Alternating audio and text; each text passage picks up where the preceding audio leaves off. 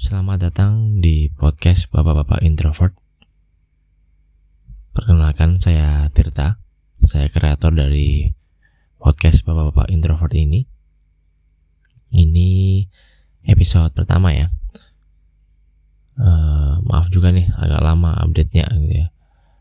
Karena kesibukan juga gitu ya.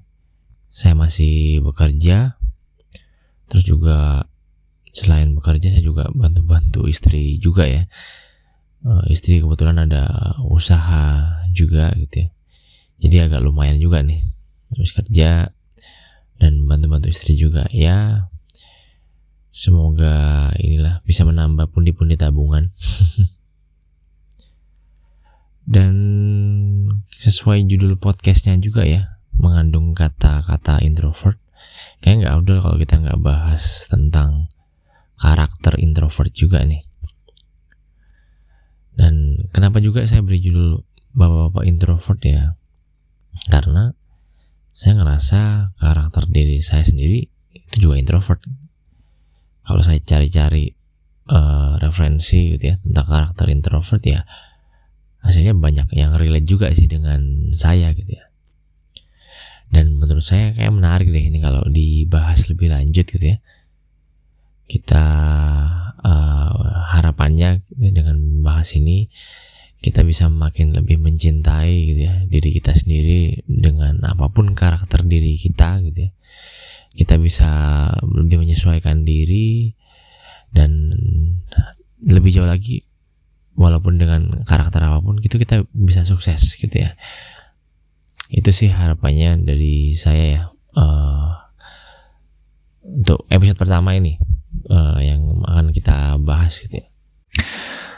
Kita uh, bahas lebih lanjut gitu ya. Jadi tentang uh, introvert gitu ya. Kalau saya sendiri sih ya, ini menurut saya uh, pribadi. Dan juga kalau saya juga uh, ini ya, baca-baca referensi juga untuk karakter introvert itu, oh sorry, secara uh, umum dulu gitu ya, karakter manusia ya itu sebenarnya ada tiga karakter gitu ya.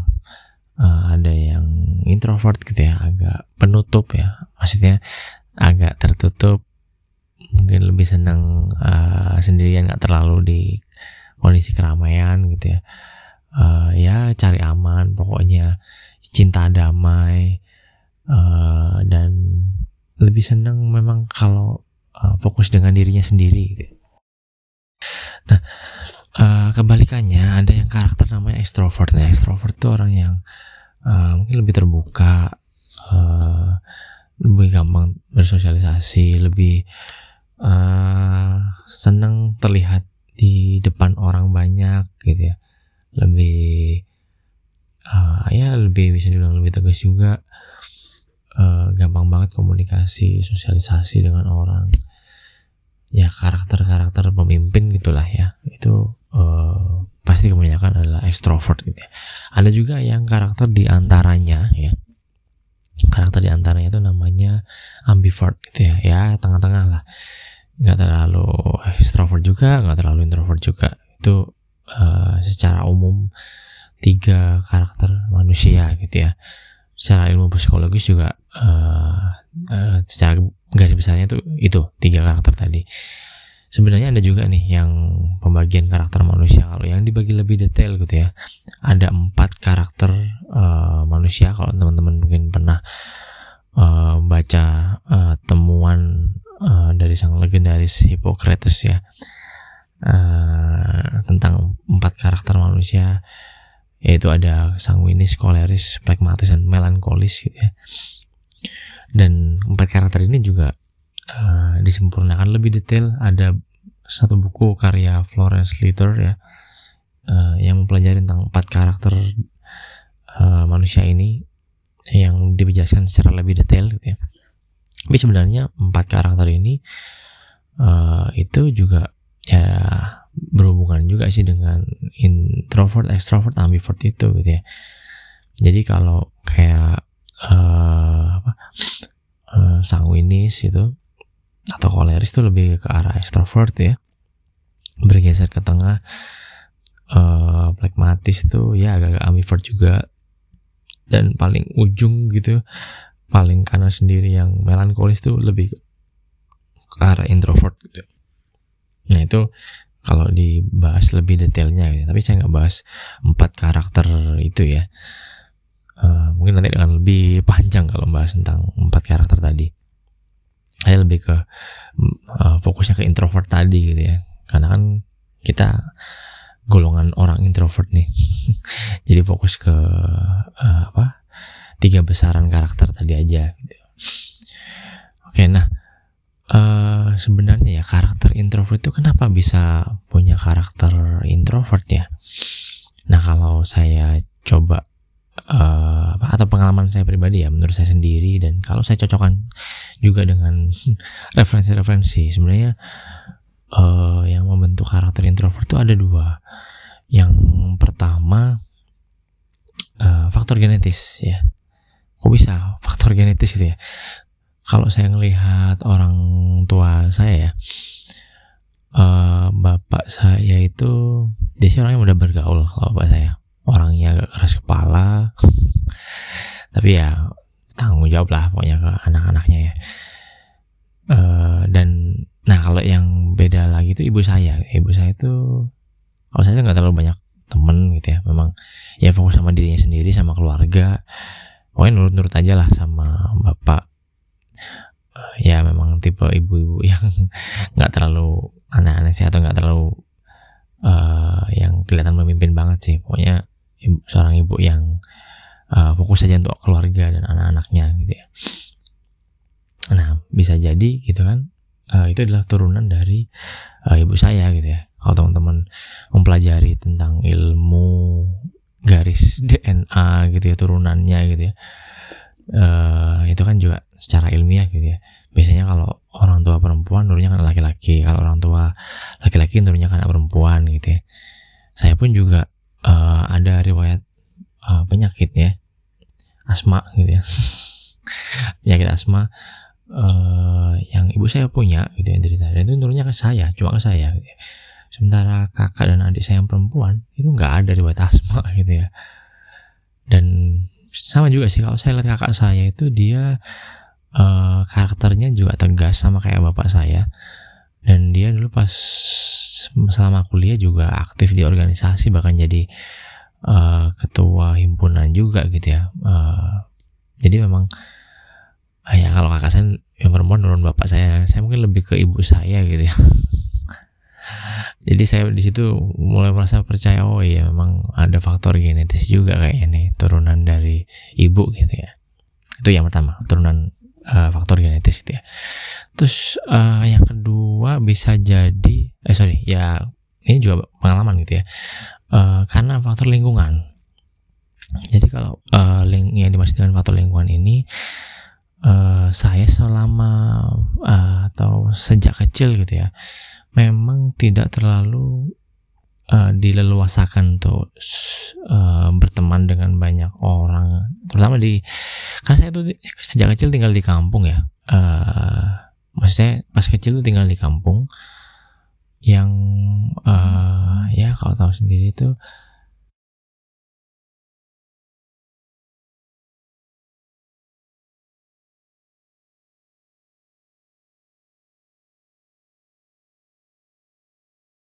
dan saya kayak ikut ikutan nakal gitu loh. Makanya sama orang tua tuh nggak terlalu uh, dibiarin lama-lama gitu main di luar gitu ya.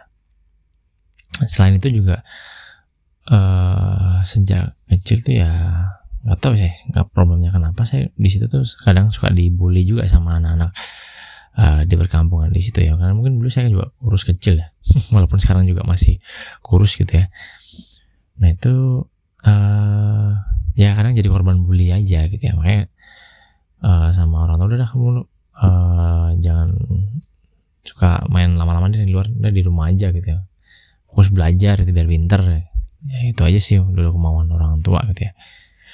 Ditambah lagi juga uh, saya sekolahnya ya ya alhamdulillahnya selalu masuk sekolah favorit ya yang pastinya saya nggak masuk yang sekolah satu lingkungan dengan teman-teman uh, tetangga saya gitu ya. Bahkan juga pas SMA pun juga saya sampai sekolahnya di luar kota gitu ya. Uh, maksudnya di luar kota itu ya karena beda beda kota aja tapi hitungannya nggak terlalu jauh juga sih dari rumah ya cukup naik bis aja gitu kan. Berangkat pagi-pagi pulang juga udah sore udah capek gitu ya. Belum lagi ada PR-PR-nya jadi interaksi dengan teman tetangga gitu uh, di saya juga agak kurang gitu ya. Itu juga yang saya juga merasanya ya semakin kurang berinteraksinya di situ ya karena saya uh, memang lebih banyak diminta fokus belajar aja sih sama orang tua. Ya itu jadinya uh, saya merasanya ya ya perkembangan diri saya uh, jadi agak-agak terbatas sih juga karena uh, pembatasan dari orang tua tadi itu menurut saya itu juga bisa jadi pemicu kenapa saya juga uh, karakternya introvert atau lebih senang sendirian jadinya lebih lebih senang lebih banyak uh, lebih senang banyak waktu di rumah. Itu itu uh, faktor terbentuknya uh, karakter introvert ya menurut saya. Nah uh, selanjutnya uh, kita nggak mungkin ya maksudnya dengan karakter seperti ini nih ada nggak sih kelebihannya gitu ya, atau kekurangannya? Ya pastinya ada gitu ya. Kalau menurut saya lagi nih ya uh, untuk kelebihannya karakter dari uh, apa introvert ini ya. Orang introvert tuh kreatif gitu ya. Kok bisa kreatif gitu ya? Karena orang introvert itu kan banyak mikir gitu ya. Uh, kadang juga melamun gitu ya. dan uh, imajinasinya udah ke mana-mana gitu ya ya makanya karena suka bermain dengan pikirannya sendiri jadi imajinasinya lebih kuat gitu ya. Makanya orang introvert itu banyak yang kreatif gitu ya. saya sendiri juga merasa ya saya cukup lah untuk kreatif gitu ya. Saya juga sedikit senang desain gitu kan sedikit senang di bidang seni.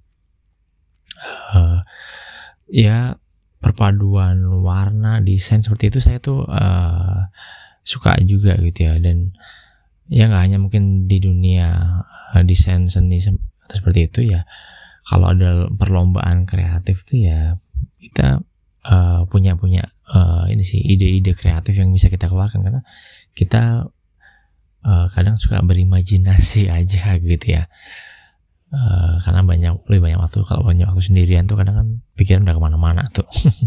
Nah itu uh, salah satu keunggulan orang introvert lah kreatif kemudian yang kedua menurut saya juga ya uh, orang introvert tuh lebih sehat. Lebih sehat maksudnya uh, makanan yang dikonsumsi itu lebih sehat. Ya karena kita tuh jarang nongkrong ya.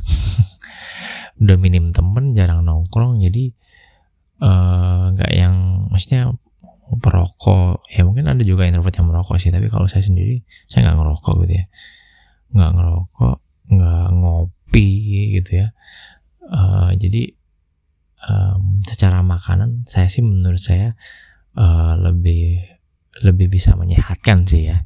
Dan itu juga makanya ini jarang orang uh, introvert uh, obesitas gitu ya, ya sebenarnya ada aja sih gitu tapi uh, ya kalau menurut saya sih orang orang introvert itu karena jarang nongkrong di luar aja ya jarang uh, nyemil di luar berjam-jam dengan banyak orang itu kan uh, makanya yang makanannya lebih sehat dan uh, fisiknya sih menurut saya pasti uh, masih fine fine aja gitu ya.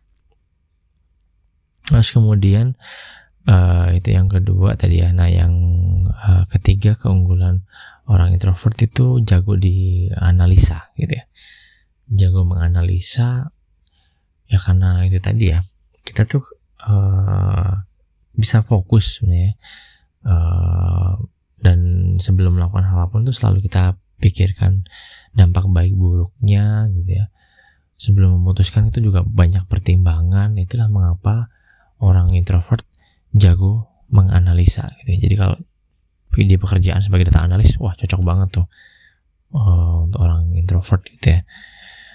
Jadi uh, apa fokus menganalisa data gitu ya, itu cocok banget untuk orang untuk orang-orang introvert gitu ya.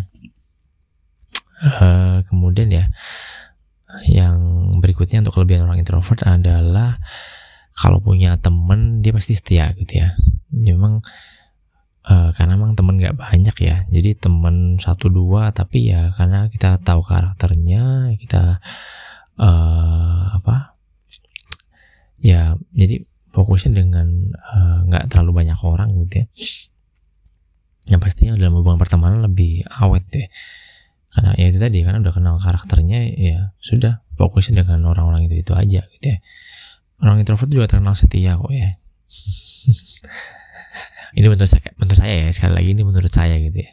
Karena saya sendiri ya alhamdulillah saya selalu setia dengan istri gitu. Ya nggak pernah ada pikiran aneh-aneh karena nggak mau ribet sih. Mikirin uh, apa selingkuh gitu kan. Eh karena yang udah kita bangun sejauh ini tuh kayak nggak mau tiba-tiba rusak gitu aja gitu ya. Dan pastinya kayaknya ribet ya. Kita kan nggak mau ribet gitu orang-orang introvert itu. Kayak uh, pasti setia gitu ya. Cuma ya kalau jadi pasangan punya pasangan orang introvert ya pokoknya harus banyak bersabar gitu ya. Dan memang dengan karakter seperti ini pokoknya uh, apa ditemenin aja dengan baik pahami uh, kondisi dia gitu ya. Ya jadi orang introvert tuh uh, setia lah kalau untuk pertemanan hubungan uh, asmara. Tidak hanya soal dengan manusia ya maksudnya kalau untuk uh, kayak milih mau ke mana itu pun juga paling orang introvert ya itu itu aja. Karena udah karena udah tahu tempatnya dan dia nggak mau ribet ya sudah uh, fokusnya di itu itu saja. Contoh kayak makan gitu ya. mau makan di mana? Paling dia aja deh. Karena mungkin pas sukanya McD ya. Jadi ya ke McD uh, ke McD lagi gitu ya. itu, itu lagi tempatnya. Ya karena itu tadi uh, apa ada karakter setia itu tadi dan nggak mau ribet tadi ya kalau sudah uh, zona nyamannya itu ya udah itu itu aja yang didatengin. Gitu. itu uh, apa kelebihan kelebihan orang introvert. Nah sekarang kita bahas kekurangannya gitu ya. Apa kekurangannya orang introvert? Ya pasti uh, network networkingnya yang kurang ya. Karena kan kita itu agak susah sebenarnya kalau misalnya beradaptasi di tempat baru berkenalan dengan orang baru ya. Apalagi yang orang baru dan jumlahnya banyak itu kayak menguras banget energi kita gitu ya. Harus menyesuaikan lagi beradaptasi itu menguras banyak energi untuk orang introvert. Karena dia kayak nggak gampang nggak nggak yang mudah menerima hal yang baru gitu. Nah itu uh, salah satu problematika juga untuk orang uh, introvert ya. Kemudian uh, karena komunikasi ya agak-agak susah ya. Komunikasi orang introvert itu memang sebenarnya uh, lebih banyak nulis daripada ngomong ya. Nah ini uh, Mas Tirta bikin podcast malah. Ya ini sebelum ngomong gini pun saya juga uh, ngarang-ngarang kerangkanya dulu ya. Nulis-nulis kerangkanya dulu sebelum saya ngomong nih. Ini pun juga saya yakin belepotan banget nih bahasa saya. Yang mungkin teman-teman juga dengerin uh, podcast saya agak-agak bingung ya. Mohon dimaklumi gitu ya. Tapi ya semoga nangkep nih apa inti yang saya sampaikan gitu ya. Iya kita itu agak susah sebenarnya komunikasi ya. Jadi kalau di pekerjaan yang harus nutut banyak ngomong ya pasti kalah sama yang orang-orang extrovert lah pastinya gitu ya. Saya pun juga merasa kayak gitu kan. Uh, kalau udah jadi cara penyampaiannya agak terbata-bata gitu ya. AE AE nah ini pasti di podcast saya ini yang saya sampaikan dari tadi juga banyak tuh. AE AE jedanya tuh banyak. Ya kalau udah kayak gitu kan orang nggak terlalu percaya gitu ya. Nah makanya saya kasih judul sekali nih bapak-bapak introvert gitu. Jadi kalau ada yang dengerin podcast ini dan uh, ngerasa oh bahasanya banyak a nya nih. No ya. Ya karena memang introvert sih oke okay lah gitu. Nah itu uh, pasti di dunia pekerjaan agak-agak susah sih kalau harus nuntut banyak komunikasi ya. Itu karena kita uh, perlu banyak belajar gitu harus perlu persiapan matang dulu harus harus uh, ngomong di depan orang atau di uh, atasan gitu ya. Itu uh, juga salah satu uh, kekurangan orang introvert. Yang kemudian uh, tadi saya sempat ngomong mungkin orang introvert lebih sehat gitu ya karena konsum yang dikonsumsi uh, sehat kurangin nongkrong gitu ya atau kurang begadang juga gitu ya tapi orang introvert itu uh, kalau saya sendiri ya sakitnya tuh ya sakit kepala. Sakit kepala tuh ya karena lebih banyak yang dipendem ya. Um, ya karena banyak pikiran juga ya pastinya. Itu uh, sakitnya orang introvert itu sakit kepala gitu tadi karena kurang bisa meluapkan uh, apa yang ada di pikirannya ya pendam sendiri ya. Kadang itu juga walaupun mungkin bikinnya kayak mitos tapi sebenarnya secara ilmiah kayak memang, memang kalau kita terlalu banyak pikiran itu memang bikin berat gitu ya dan pusing kepala jadi sakitnya orang introvert ya di sekitar sekitar kepala lah itu yang uh, perlu diwaspadai untuk orang introvert ya. Jadi itu untuk kekurangan-kekurangannya yang saya ketahui ya. Nah, terus gimana nih? Uh, apakah orang karakter introvert itu bisa dirubah? Gitu ya? Uh, menurut saya bisa gitu ya. Cuma kan memang karena ini udah karakter ya, agak susah juga uh, merubahnya. Tapi menurut saya kalau misalkan ini uh, tuntutan ya, kalau teman-teman memang uh, pengen merubah sedikit-sedikit merubah ya paling nggak geser ke ambivert lah gitu ya ambivert lah paling nggak gitu ya uh, bisa merubah atau um, memperbaiki karakter ya, terutama di bagian kekurangannya ya. Itu dengan cara dipaksa sih ya. Ya ini contoh aja sih kayak saya sekarang pun uh, di dunia pekerjaan tuh uh, ya alhamdulillahnya dapat promosi dan jadi levelnya pimpinan punya bawahan. Nah itu kan harus memimpin bawahan harus banyak ngomong di depan. Ya bisanya akhirnya ya karena terpaksa ya, ya karena dipaksa dan jadi harus lebih banyak belajar sih ya. Itu jadi uh, kalau dipaksa dengan keadaan uh, insya Allah bisa sedikit-sedikit diperbaiki gitu ya. Dan juga perbanyak baca-baca buku self improvement gitu ya. Banyak belajar. Pokoknya kemauan belajarnya ditingkatin gitu ya untuk perbaikan gitu ya. Kalau memang pengen sukses ya itu tadi uh, harus mau belajar gitu ya. Jadi selain tadi dipaksakan keadaan coba perbanyak juga baca-baca buku self improvement, dengerin podcast yang berhubungan dengan self improvement, apa yang masih kurang di diri kita, komunikasi gitu ya. Ya udah belajar ilmu komunikasi, cara ngomong efektif gitu. Coba dipelajari terus gitu ya. Ya walaupun nggak bisa perfect perfect banget ya. Ya at least teman-teman tahu uh, gimana caranya, gimana cara efektifnya gitu ya. Nah itu uh, perbanyak belajar ya kalau saya sih uh, intinya itu tadi ya dua tadi kalau misalkan kita pengen memperbaiki uh, kekurangan-kekurangan yang dimiliki oleh karakter introvert ya Oke, mungkin uh, itu dulu ya yang saya sampaikan. Uh, sudah cukup.